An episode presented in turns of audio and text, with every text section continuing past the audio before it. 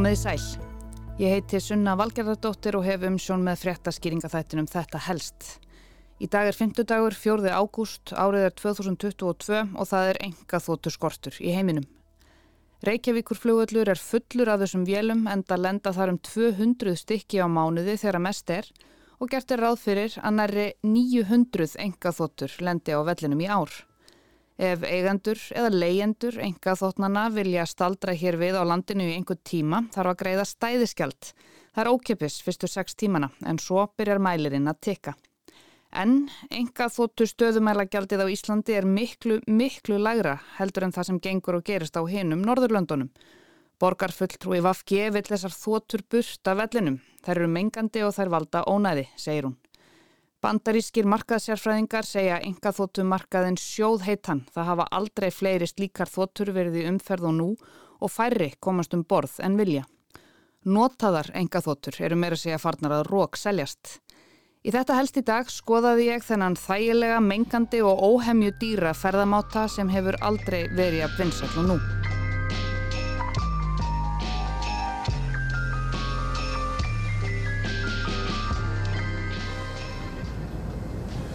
So pilot apparently says another half hour. It's just slots. It's uh, 400 jets fighting over 100 spaces. If I find some tech fuck gets landed before us, I'm gonna kill him, okay? Þetta voru feðgarnir Kendall og Logan Roy, tólkaðir af leikorunum Jeremy Strong og Brian Cox. Þeir voru þarna að ræða saman í háloftónum um borði í engaþóttunni sinni. Öll stæðin á fljóðvöldunum voru full, svo það þurfti að ringsóla svo litið sem pappin var alls ekki sátur við. Succession eru þættir úr smiðju HBO um hérna fáránlega ríku og hræðilega heitlandi Roy fjölskyldu sem byggir meðal annars á fjölskyldusögu fjölmiðlamógulsins Rupert Murdoch. Það er erfitt að setja sér í spór þeirra kannski sem betur fer en þó að þessi margt súrealist varðandi lífstíl þessarar hálf uppskálduðu fjölskyldu er enga þóttu lífstílin ekki eitt af því. Því sá bransi er á mikilli siglingu.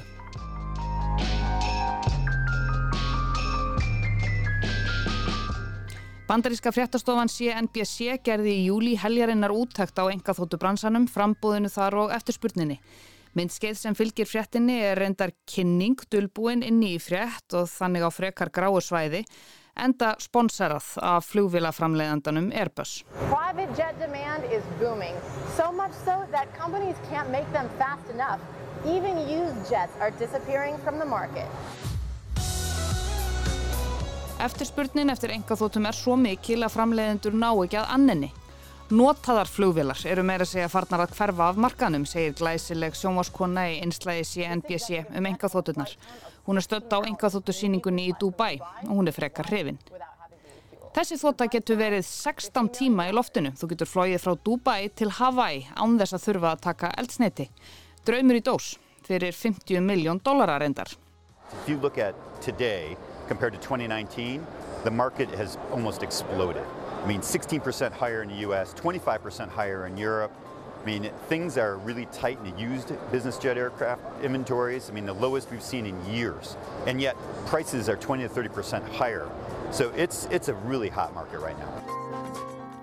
Markaðurinn er eiginlega sprungin með að við síðustu ár, 16% hækkun í bandaríkjunum, 25% hækkun í Evrópu og verðin eru samt sem áður alltaf fjórðungi herri en áður. Þannig að markaðurinn er sjóð heitur akkurat núna, segir John Schmidt hjá markaðsfyrirtækinu Accenture. Hann er líka hrifin. En í fréttinni sjálfri kemur margt forvittnilegt fram eins og til dæmis það að gögn frá samgönguráðunetinu sína fram á að enga þóttur eru alltaf 14 sinnum meira mengandi en stórar farþegaflugvilar þegar litið er á mengun per farþega og alltaf 50 sinnum meira mengandi en lestar. Á einugis einni klukkustund getur ein enga þóta losað um 2 tonn af koltfjóksíð út í andrumsloftið. Til samanburðar losar ein manneskja 8,2 tonn af CO2 á heilu ári, samkvæmt tölum Evrópusambandsins. Salan á engaþóttunum okkar hefur aukist gífurlega síðustu áttján mánuði og það er ekki að sjá að það sé eitthvað að fara að breytast, segir Scott Neal, eitt framkvæmdastjóri engaþóttu fyrirtækisins Gulfstream. Það var sleið með til flugumferð engaþóttna í fyrra, 3,3 miljónir flugtaka voru skráð um allan heim árið 2021 sem er 7% meira en árið 2019 sem átti þá metið. Fjölmiðlar Vestanhafs kallaði þetta wealth boom, velmeguna sprengju kannski, sem COVID-faraldurinn hjálpaði sannarlega til við að fóðra. hinn er ríku verða ennþá ríkari. Og svo má auðvitað ekki gleyma aukinni kröfu á bómullina að fara vel með sig, passa upp á sig, fara ekki kulnun. Og stytting, vinnuviku, auðjöfrana kallar auðvitað á engaþótukaup. Þetta er minna vesen að eiga sína eigin vél heldur en að þurfa að fljúa með flugfjölugum skilstmanni og þegar landamæri heimsins voru opnið og ný eftir faraldurinn er uppsöpnuð ferðaþörf þar á bænum ekkert minni heldur en hjá okkur sem þurfum að bóka flugi gegnum vefsíður, borga aukalega fyrir törskur og skell okkur á all-inclusive ferðir í stað þess að geta nýtt okkur þessa kvítu álfugla auðvaldsins. Allavega. Engaþóttur hafa ekki verið mikið í umræðinu hér á Íslandi í gegnum tíðina, kannski aðalega vegna þess að við eigum engar. Að minnstakosti hefur slík eign aldrei rataði fjölmiðla. Og það er ekki hefð fyrir því að þjóðhöfðingjar okkar eða ráðamenn notistu slíkar vélar þegar að ferðast er utan landsteinana Forsættisráþurra kaupir yfirleitt sæti í almennu farrými, hvort sem það er spartnaðar eða ímyndar aðgerð. Enga þótturnar eru í eigu þeirra ofur ríku sem hinga að koma, lenda á Reykjavíkur fljóvelli við hótel loftleiðir, fljúa svo með þyrlum hingað og þangað og taka selfies af sér við ofmyndaðar náttúruperlur.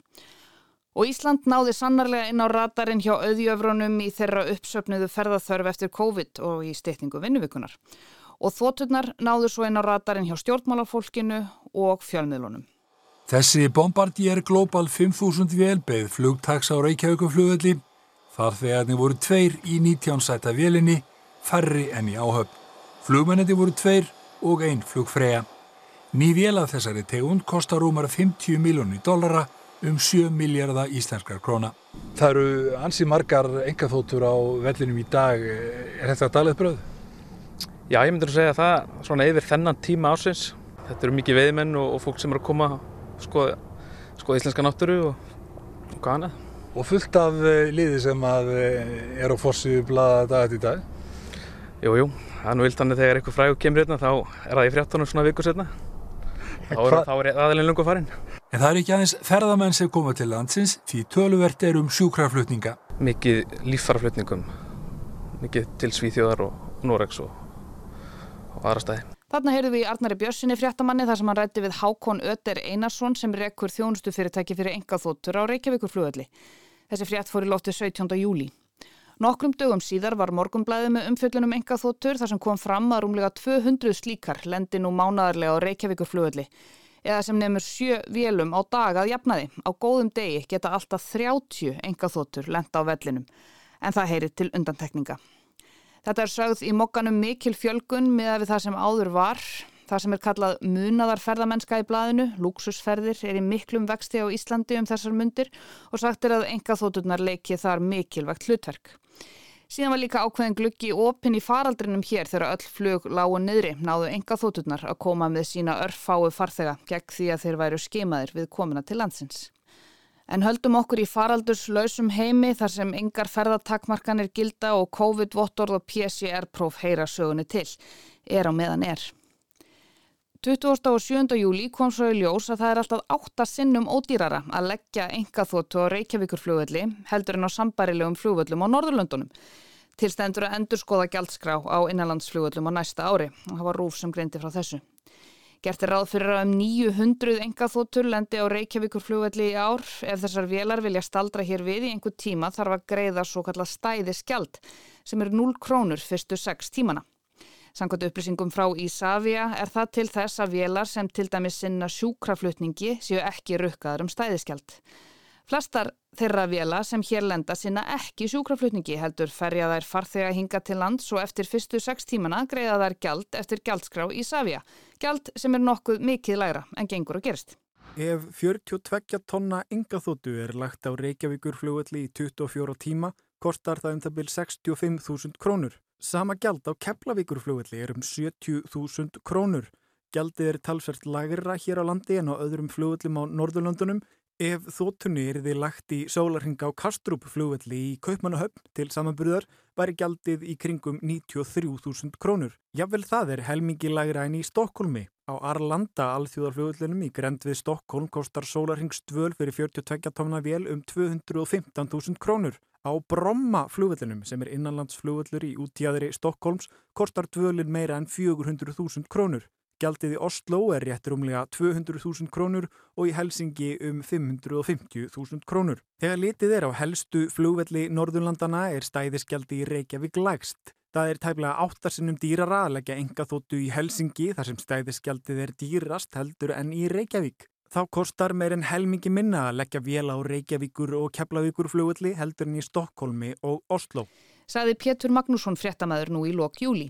Síðan heyrðist frá Sigrunu Björki Jakobsdóttur, framkvæmda stjóra í Savia innanlandsflugalla, að núverandi gjaldskrá þeirra taki ekki mið af fjölguninni og ferðamáti þeirra sem fljúa með enga vélum mingi markfalt á við þá sem nota áætlunarflug. Gjaldskráin á íslenskum flugvöllum sé sambarilega gjaldskrámi í Grænlandi og Færiðum, sagði Sigrun og veldi upp þeirri spurningu hvort gjaldskráin hér taki ekki nægilegt tillit til breytinga í okkar ytra umhverfi og það sé eitthvað sem þurfum við að skoða og ræða við þar til gert ráðuniti. Umhverfustofnun gerir ráð fyrir að meðalstór farþegaflugvél losi um 370 kíló af koltvísýringi á hvert farþegað þegar að flóið er frá keflavíkurflugvelli til Kaupmannahafnar. Samkvæmt nýleiri rannsókn losa enga þóttur allt frá 5 sinnum til 14 sinnum meira á hvert farþega.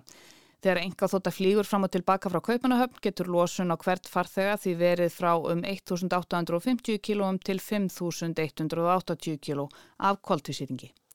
Og síðan mætti pólitíkin. Alexandra Brím, formaður umhverjus og skiplagsráðs, sagði að það skjóti skökku við að það kosti svo lítið að leggja enga þóttu á keflavíkurflugvelli. Auðvitað finnst manni það skrítið á besta stað í miðborg Reykjavíkur þar sem við viljum uppbyggingarsvæði til lengri tíma að það sé verið að nota það til þess að geima engaþóttur. Manni finnst það skrítið, sagði Alexandra. Líf Magniðudóttir, borgarfulltrúi vinstri Grætna, hafði áður lagt fram tillögu í borgarráði um að umferð engaþótta og þyrluflugs verði beint annað en um Reykjavíkurflugl. Segir í tillögunni að slíkar breytingar myndu hafa margskonar jákvæð áhrif á borgina, íbúa hennar og umhverfið. Hljóð og loftmengun og almennt ónæði yrði minna, öryggi íbúa í miðborginni og í grend við flugvöldin myndi aukast og svo samræmist aðgerðin markmiðum borgarinnar í umhverfis og loftslagsmálum, segir í tilhugu Lífar. Líf sagði þegar hún laði þetta fram í byrjun júli að megin rökinn fyrir því að vísa þessu flugi frá Reykjavíkur flugvöldi væru umhverfisleg en varði einnig velferð íbúa. Þá segir Líf að varla sér til meira mengandi samgöngumáti en enga þóttu og þyrluflug auðkýfinga og auðmanna. Tengir hún þessa tillögu við áætlun um kólefnisleysi borgarinnar. Það þarf að senda skýr skilabóðum að Reykjavíkur borga ætli sér að verða kólefnis hlutlaus fyrir árið 2040 og fylgjaði síðan fast á eftir með aðgerðum sem ná settum markmiðum. Saði Líf. Meiri hluti borgaráðs frestaði reyndar afgreðslu og tillögu lífar í síðustu viku. En það hafa fleiri lagt orði belgvarðandi enga þóttunar undanfarið.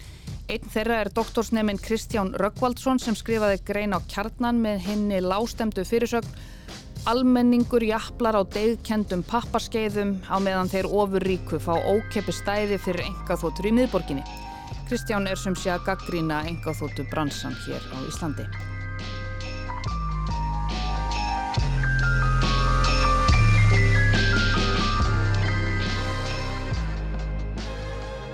Misskipting auðs og þar með valds í heiminum er mikil, skrifar Kristján.